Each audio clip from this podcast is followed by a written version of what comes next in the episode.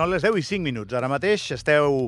A l'avui serà un bon dia i, i bé, tenim un tema, no farem ni sumari per anar ràpid, eh, per tenir més temps per parlar amb ell, que cap a un quart d'onze ja ens ha d'abandonar. Tenim un tema que està bé, és un tema interessant perquè parlem d'un dels economistes de referència del nostre entorn eh, geogràfic, l'haureu vist moltes vegades, Santiago Niño Becerra, molt, moltes vegades per la tele, ha vingut moltes vegades a Andorra també a donar les seves xerrades i és una d'aquelles persones que quan diu alguna cosa, doncs tu has de mirar. Ahir va fer dos tuits, eh, us els llegeixo perquè estan fets en castellà.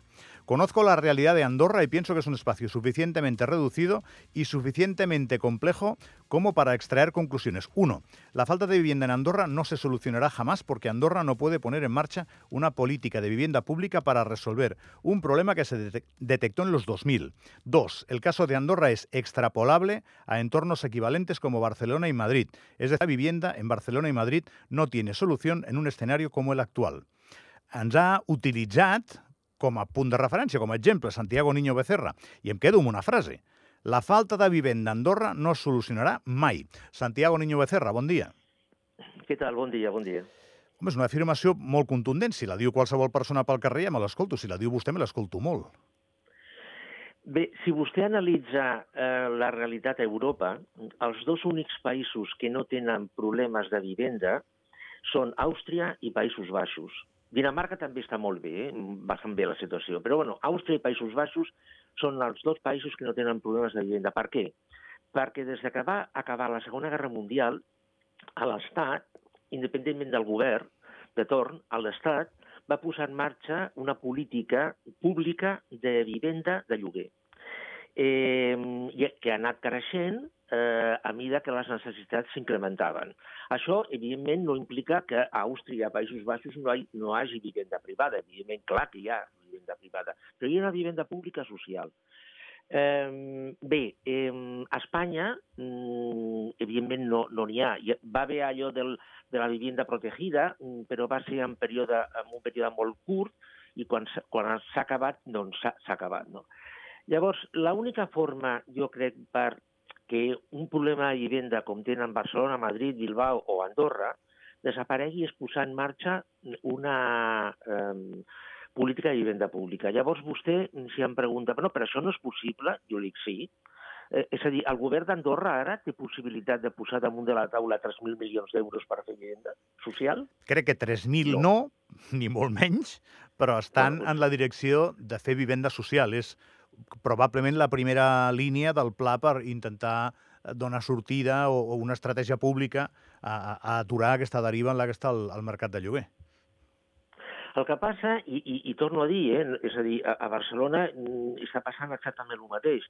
El problema és que, eh, és que això es va detectar fa ja 20-25 anys, i, bueno, i sí, i sí, i sí, perquè al final, mm, al final no, no, no arribem enlloc. Perquè, clar, sobre, mm, en, en relació a la vivenda hi ha tres problemes.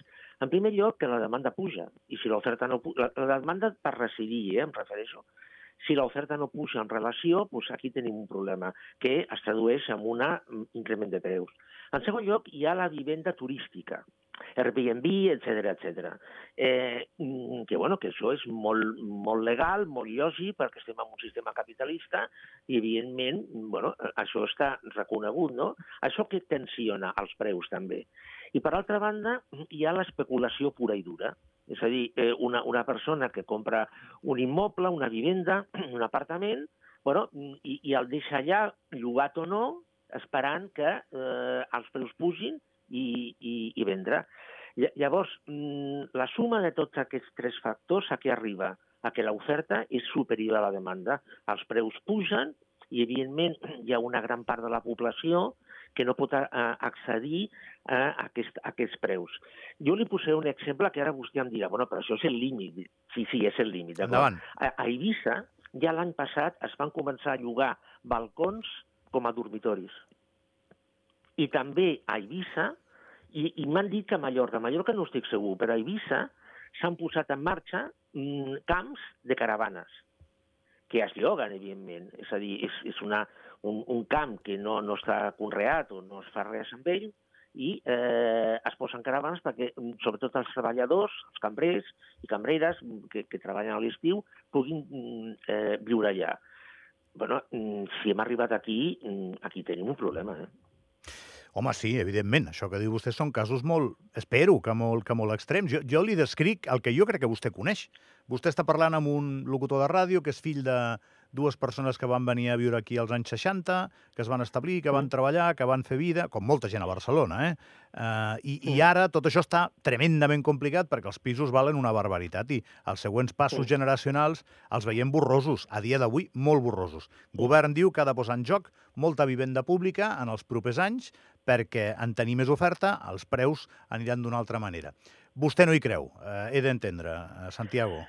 Bueno, jo, jo el que crec és que, mm, com hi ha un, un, un enredariment d'uns 20 anys, eh, eh, que la, la inversió que es tindria de fer eh, és mm, brutal, mm, tremenda. Aquí el raonador eh, del ciutadà llavors, va dir 250 milions cada 5 anys.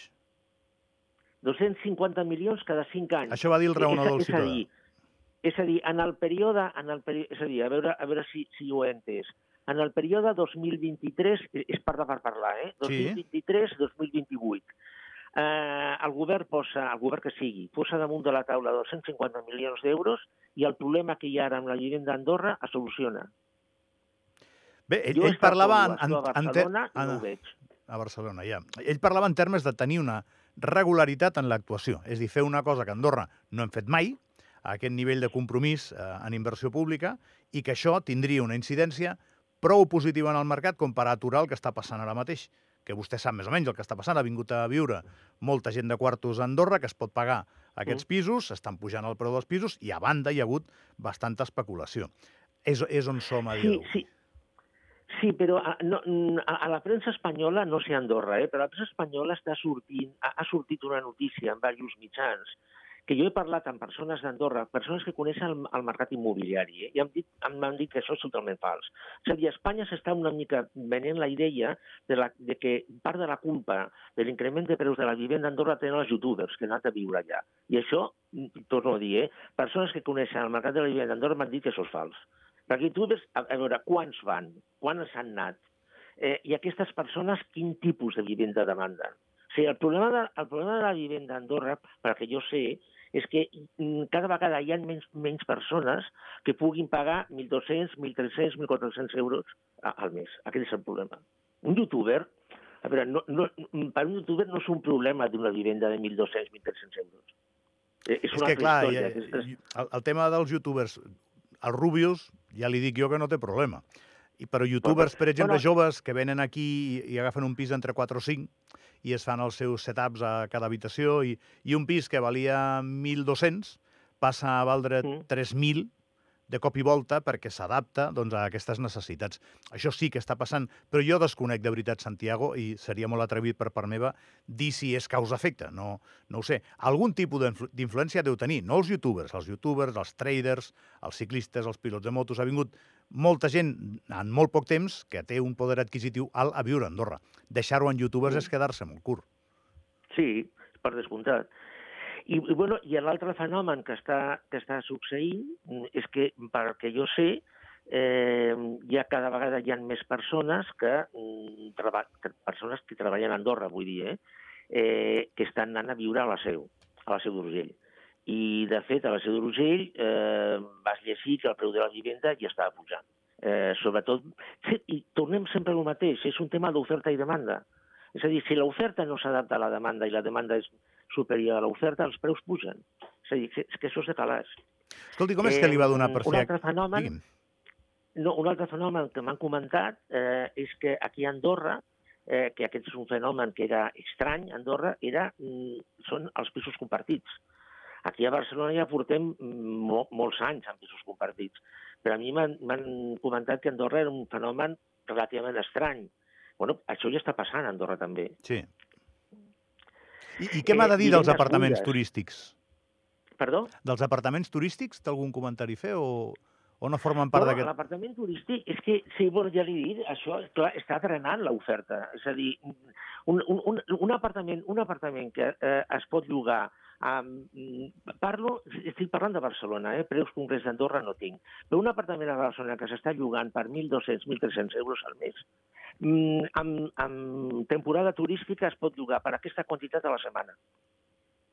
Llavors, clar, és que eh, eh, es, posen, es fan contractes que van eh, cada vegada s'han més contractes, més contractes a Espanya, bueno, parlo de la de Barcelona, eh, que, eh, que van d'octubre a juny, octubre a maig, i, i, i llavors la resta, això, això és un lloguer normal, i la resta, lloguer turístic. Escolti'm, una, eh, una última, llavors... Santiago, que, que sé que no té més temps i no, no el puc entretenir, que a més sé que té una obligació i vint. Mm. Um, com és que li va donar per fer aquest tuit, aquests dos tuits ahir i utilitzar-nos, no sé, com a, com a exemple, que no és freqüent? Bueno, doncs perquè vas llegir... Eh, darrerament s'han publicat aquí a, aquí a Espanya diversos, diversos articles parlant de la situació de la vivenda d'Andorra. I aquest, aquest, aquest tema és un tema que jo ja havia parlat amb gent d'Andorra. Mm, llavors, mm, evidentment, eh, tenint en compte les diferències, no? però mm, em va recordar, em va... Mm, crec que és un bon exemple eh, per la densitat, etc etc de persones i vivenda que hi ha a Andorra, fer una comparació eh, a, a Barcelona. De la mateixa manera que dic que Andorra no crec que es pugui solucionar, és el meu, el meu punt de vista, per favor, eh, eh, el mateix dic de Barcelona i de Madrid. Eh.